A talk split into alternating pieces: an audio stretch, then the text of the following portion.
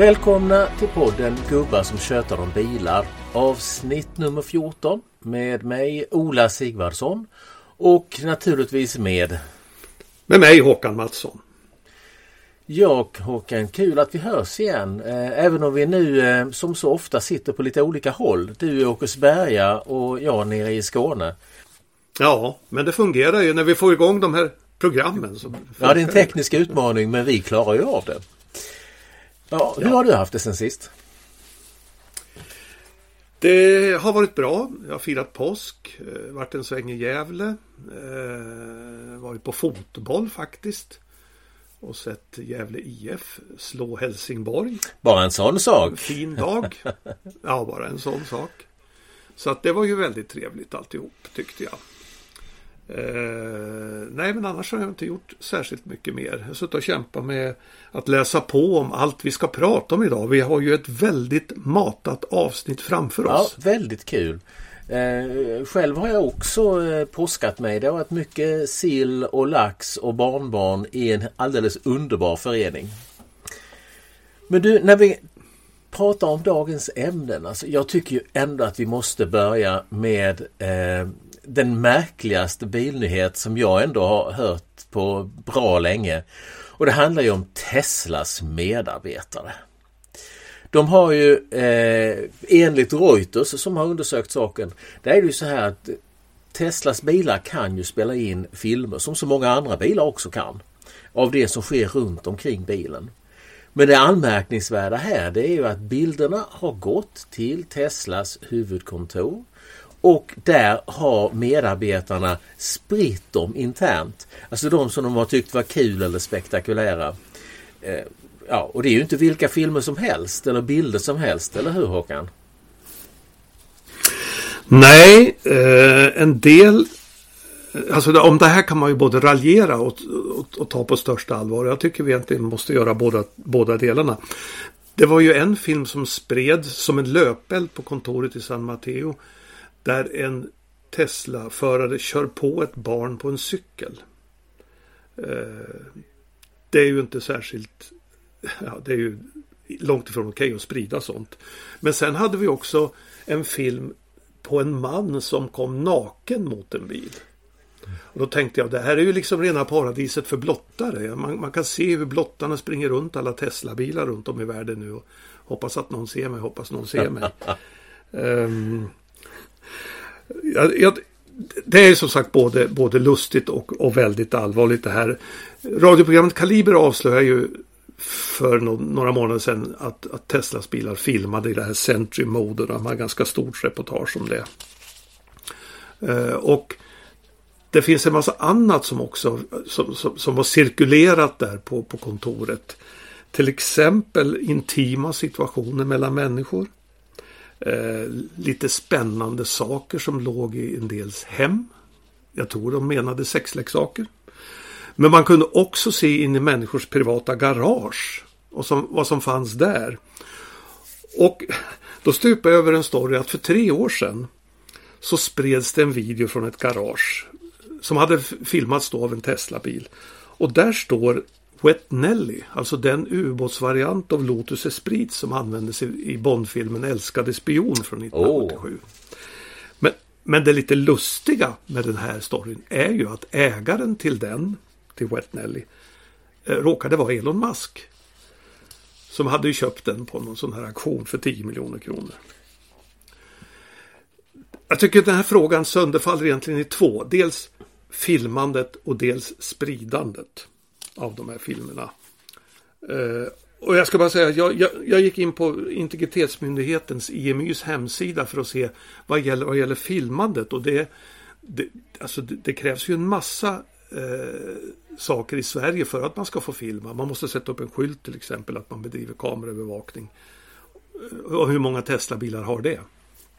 Ja, eh, och man kan då också säga att, att eh, det är ju då eh, bilägaren som är ansvarig för eventuella konsekvenser av de här eh, inspelningarna. Så även om bilderna skickas till, till Tesla och kan då hanteras där så är det alltså så att, att om någon som känner sig eh, har fått sin integritet kränkt stämmer så är det ju bilägaren, det är inte Elon Musk som står där med alla sina muskler och försvarar den här filmningen.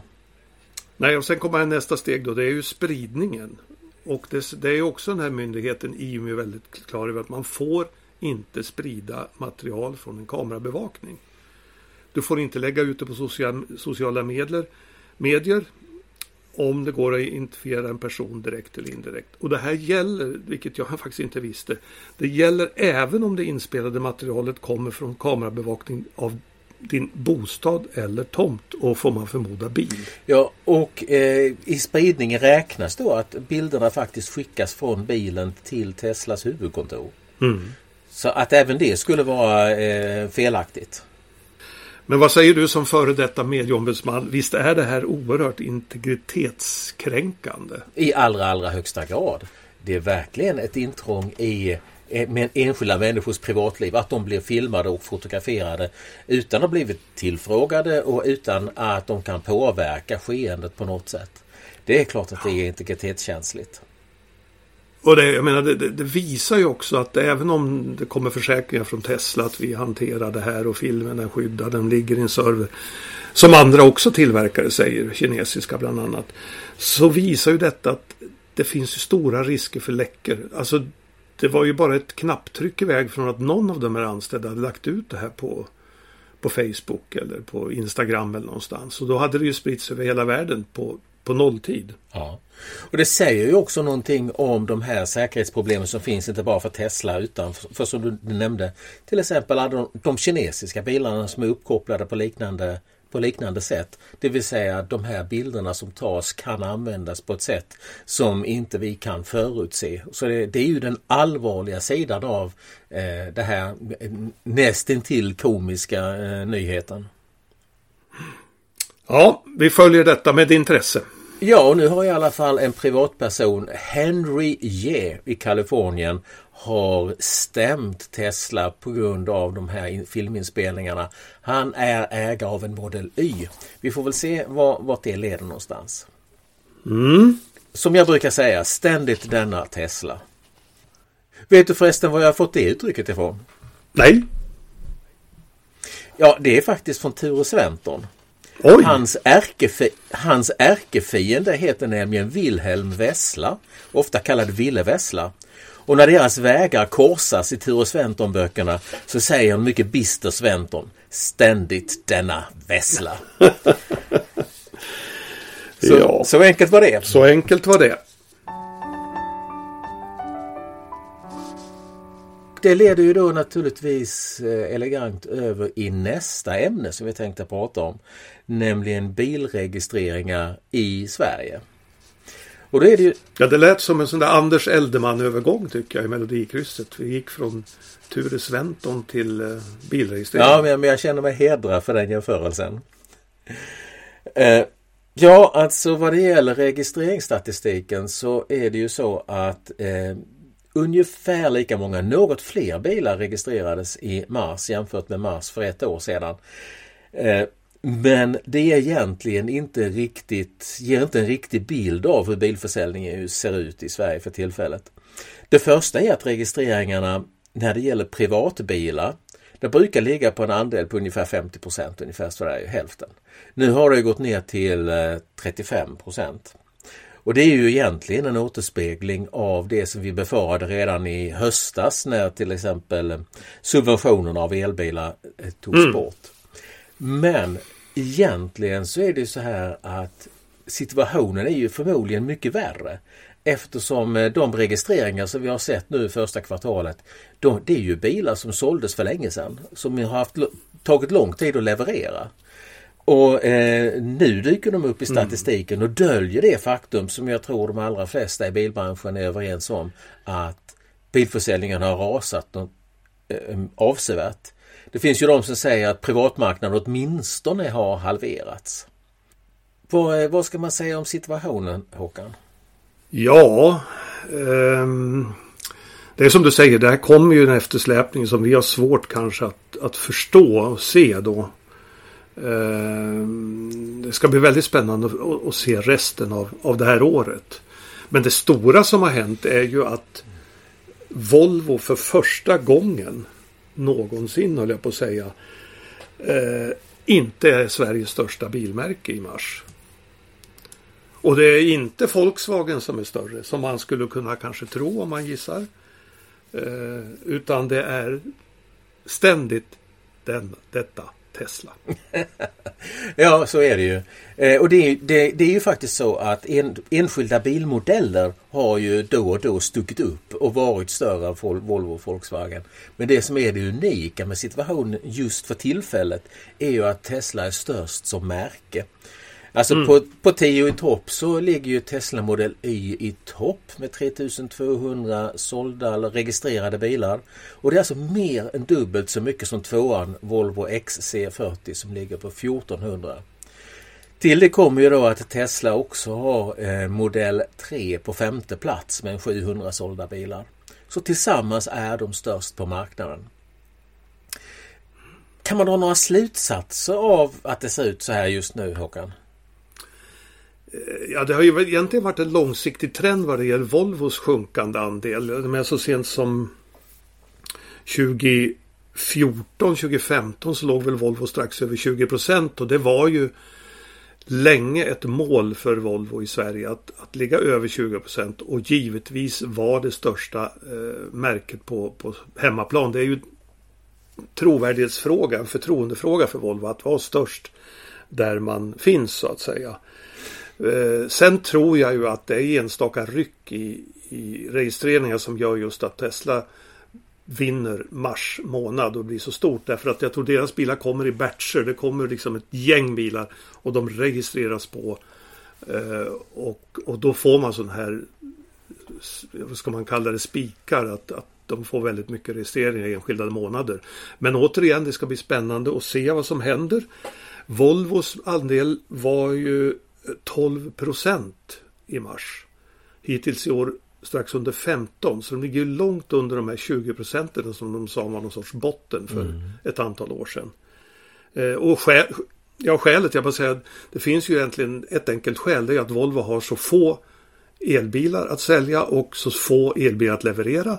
Medan Tesla med sin nybyggda fabrik i Tyskland kan leverera massor med bilar ganska snart. Och dessutom sänkte de ju priserna som vi har konstaterat med 100-150 000 kronor. Så att det är väl de enkla förklaringarna.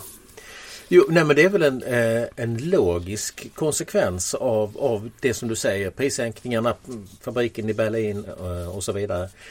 Men den intressanta frågan för oss tycker jag ändå egentligen är det kanske så att Volvo håller på att förlora greppet om sin egen hemmamarknad? Kan det vara så?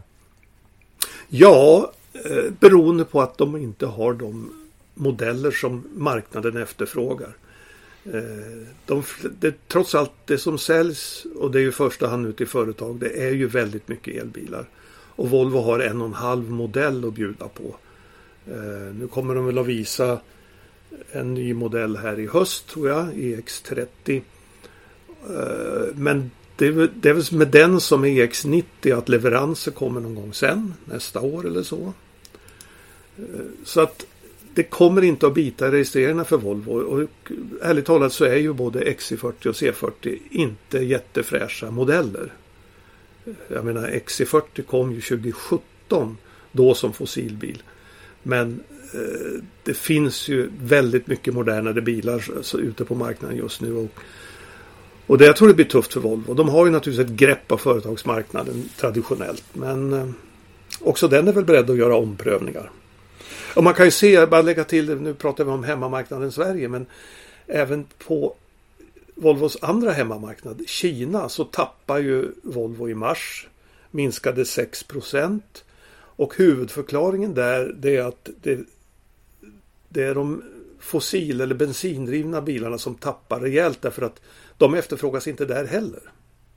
Mm. Eh, så svaret på frågan som jag ställde det är ju det att det kan bli tufft för Volvo framöver. Men man kan säga att de har haft en sak som hela tiden har eh, dominerat varumärkets eh, alltså, innehåll. Och det är ju det att det är en så säker bil. Alltså att den har alltid legat i topp när det är allt från Folksams till internationella undersökningar så har ju Volvo tillhört de absolut säkraste bilarna.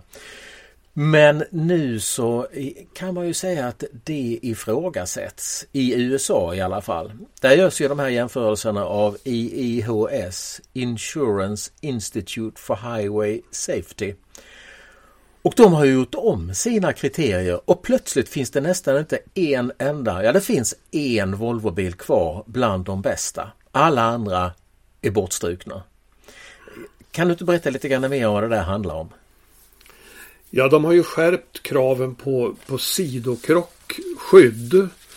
Eh, och det här är ju naturligt att man gör vid, vid eh, krocktester. Att man stegvis skärper och skärper kraven. För annars skulle det sluta med att alla får full, full poäng. Uh, och nu är det ju som du säger, det är bara Volvo XC90 som, som finns bland de allra bästa. Årets stora vinnare är Toyota och Lexus som har nio modeller bland de allra bästa. Eh, bland annat den här elbilen BZ4X som ju får rätt mycket stryk för sin räckvidd men den, den är alltså en, en segrare i, i den här rankingen. Eh, modell, Tesla Model Y som vi just pratade om ligger också i topp. Och eh, för Volvo är det ju återigen en trovärdighetsfråga. Jag menar om man utger sig för att vara den säkra bilen då bör man alltså ligga i topp i alla undersökningar. Annars blir det ganska besvärligt. Det blir väldigt svårt att kommunicera att man är det bästa. Vi har den högsta säkerheten.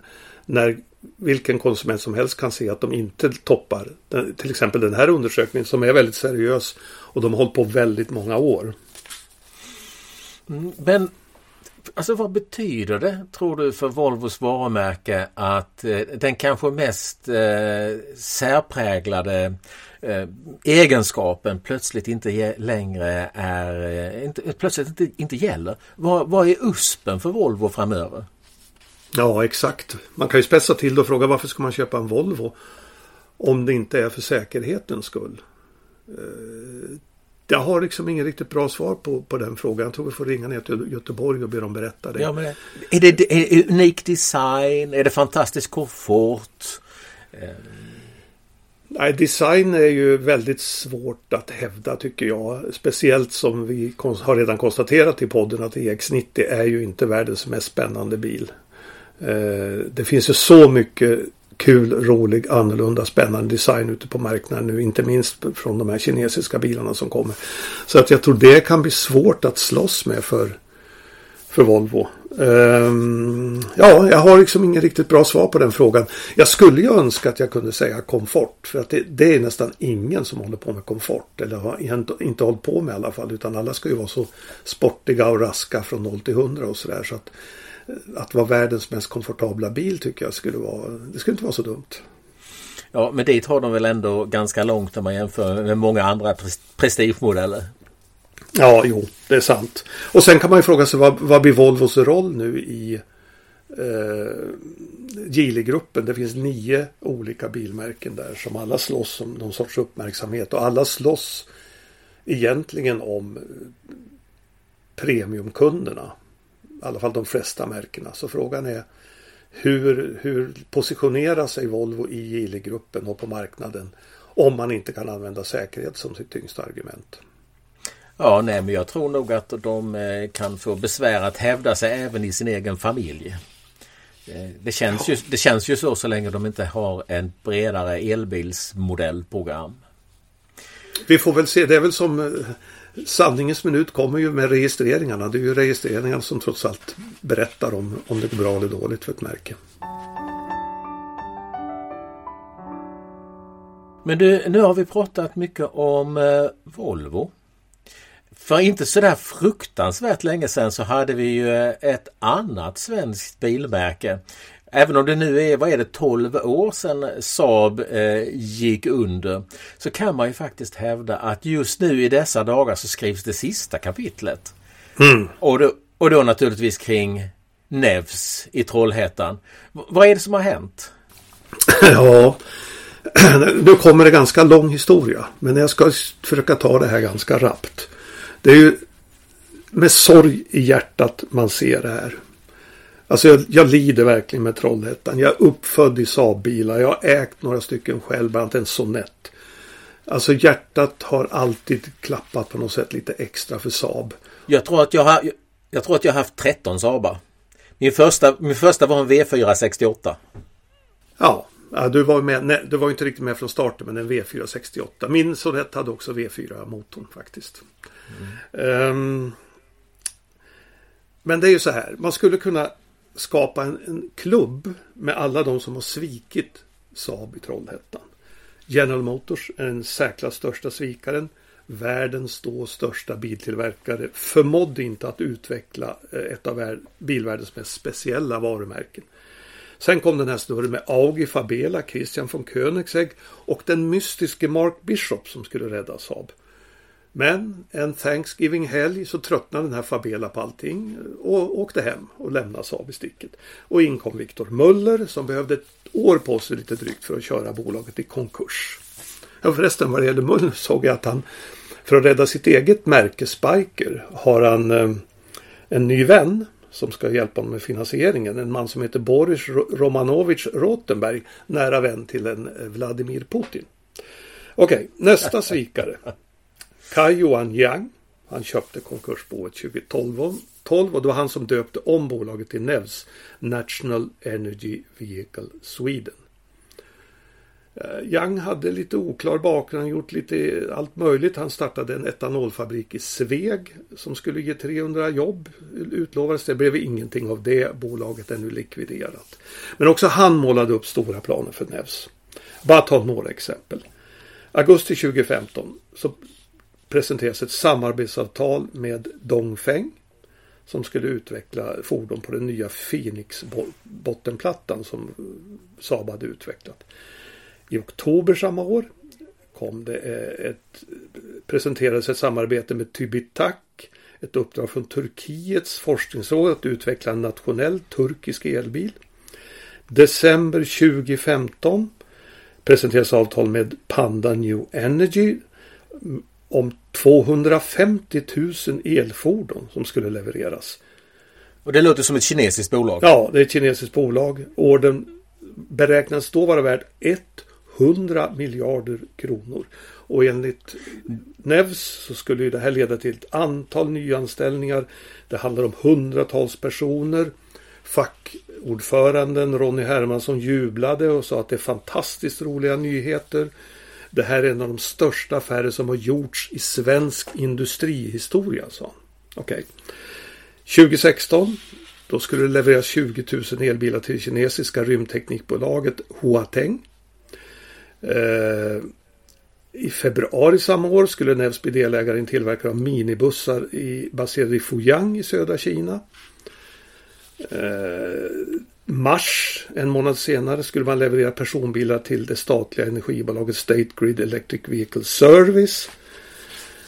Och i juni 2017, vi kan hoppa över en del turer där, så skrevs ett, en avsiktsförklaring, det ska man komma ihåg, inte avtal, med Didi, ett företag som är ungefär som Uber, alltså en taxitjänst i Kina.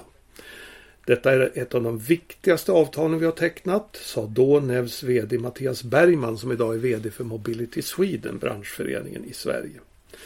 Enligt Nevs skulle då Didi köpa en miljon bilar.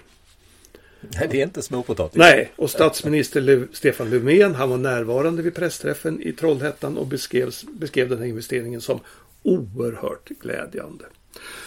I juni samma år 2017 presenterades ett samarbete med Microsoft. Det här är ett jättestort steg framåt för oss, sa samme VD Mattias Bergman. Vi ser fram emot ett djupare samarbete inom områden som uppkoppling av bilar och artificiell intelligens. Och det, här, det pratades om att det skulle ja, anställas eh, ett antal personer igen. Eh, 2018 skulle man börja tillverkning i Kina Nevs fabrik i Tianjin. Eh, 220 000 bilar och det kallades då världens största elbilsfabrik och lika många bilar skulle byggas i Trollhättan. 2020 så skulle man börja bygga elbilar åt det tyska företaget Sono Motors. 260 000 bilar skulle byggas under åtta år. Och sommaren 20 händer också det då som är säga, det första steget mot undergång, nämligen att Nevs togs över av eh, Evergrande Group som ju beskrevs som den, den stora räddningen.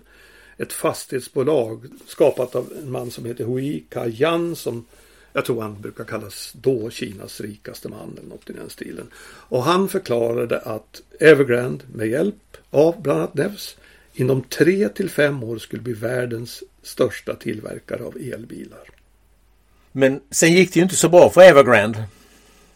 Nej men du hör, det är ju så många löften, många utfästelser, många förhoppningar som väcks här. Och vad har det blivit av det då? Ja, Evergrande visar ju inte, visserligen vara en fastighetsjätte men också världens mest skuldsatta fastighetsbolag. De hade skuldberg på 123 miljarder dollar. Och när fastighetsmarknaden i Kina började skaka så skakade ju hela Evergrande sönder. Och alla satsningar på biltillverkning lades ner. Ehm, av allt detta och, och, och, och Nevs blev till salu. Och det påstods att det fanns en hemlig köpare här mot slutet men ingen visste något om det. Men man kan ju notera hela denna långa rad av utfästelser. Av det blev absolut ingenting. Det blev inga bilar. Det blev inga samarbeten. Inga 250 000 i produktion. Inga tusentals jobb. Ingen tillverkning i Kina. Inga nya jobb. Bara en massa löften. Som till slut var tomma ord. Jag tycker det är så dystert och sorgligt att se detta och följa den här historien. Ja, och nu så har ju då eh, eh Nevs gått in i någon sorts eh, viloläge eller vad man ska säga och har sagt upp alla sina anställda så när som på 23 personer. Varav 15 tjänstemän och 8 eh, arbetare. Mm. Eh, och det är ju liksom ingenting kvar. Men innan vi släpper allt det här med, med Didi och alla de här olika löftena och överenskommelserna. Alltså, har det varit bluffmakeri bakom detta eller har det varit godtrogenhet? Eller vad, vad, vad ligger bakom? Ja, det skulle man ju vilja veta. Alltså, om man, jag skulle kunna se tre alternativ. Antingen så hade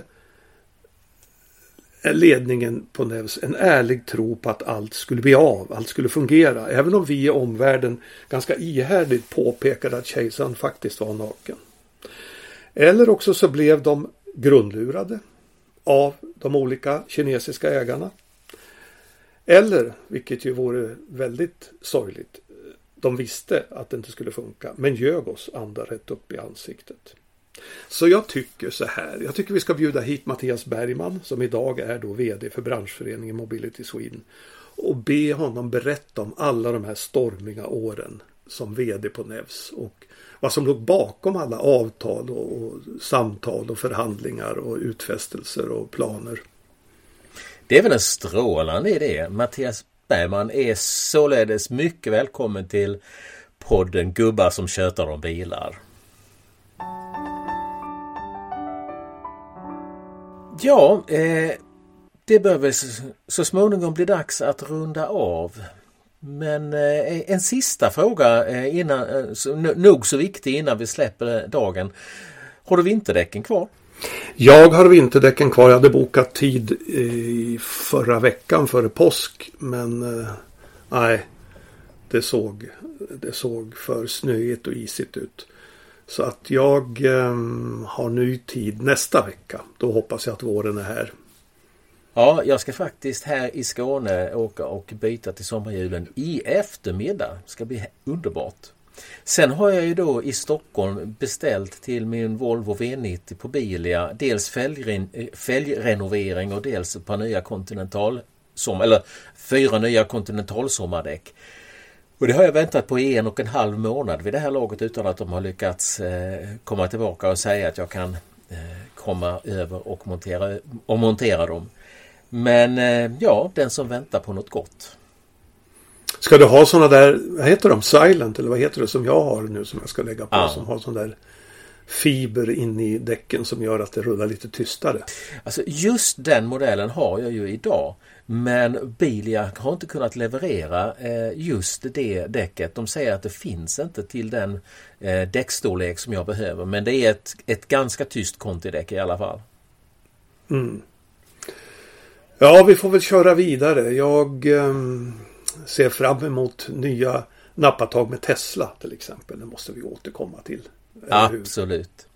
Och med det kanske vi ska säga som så att den som vill höra av sig till oss med tankar och synpunkter och gärna idéer så kan ni göra det på vår mejladress bilchat.gmail.com Tack för idag Håkan! Ja men tack själv!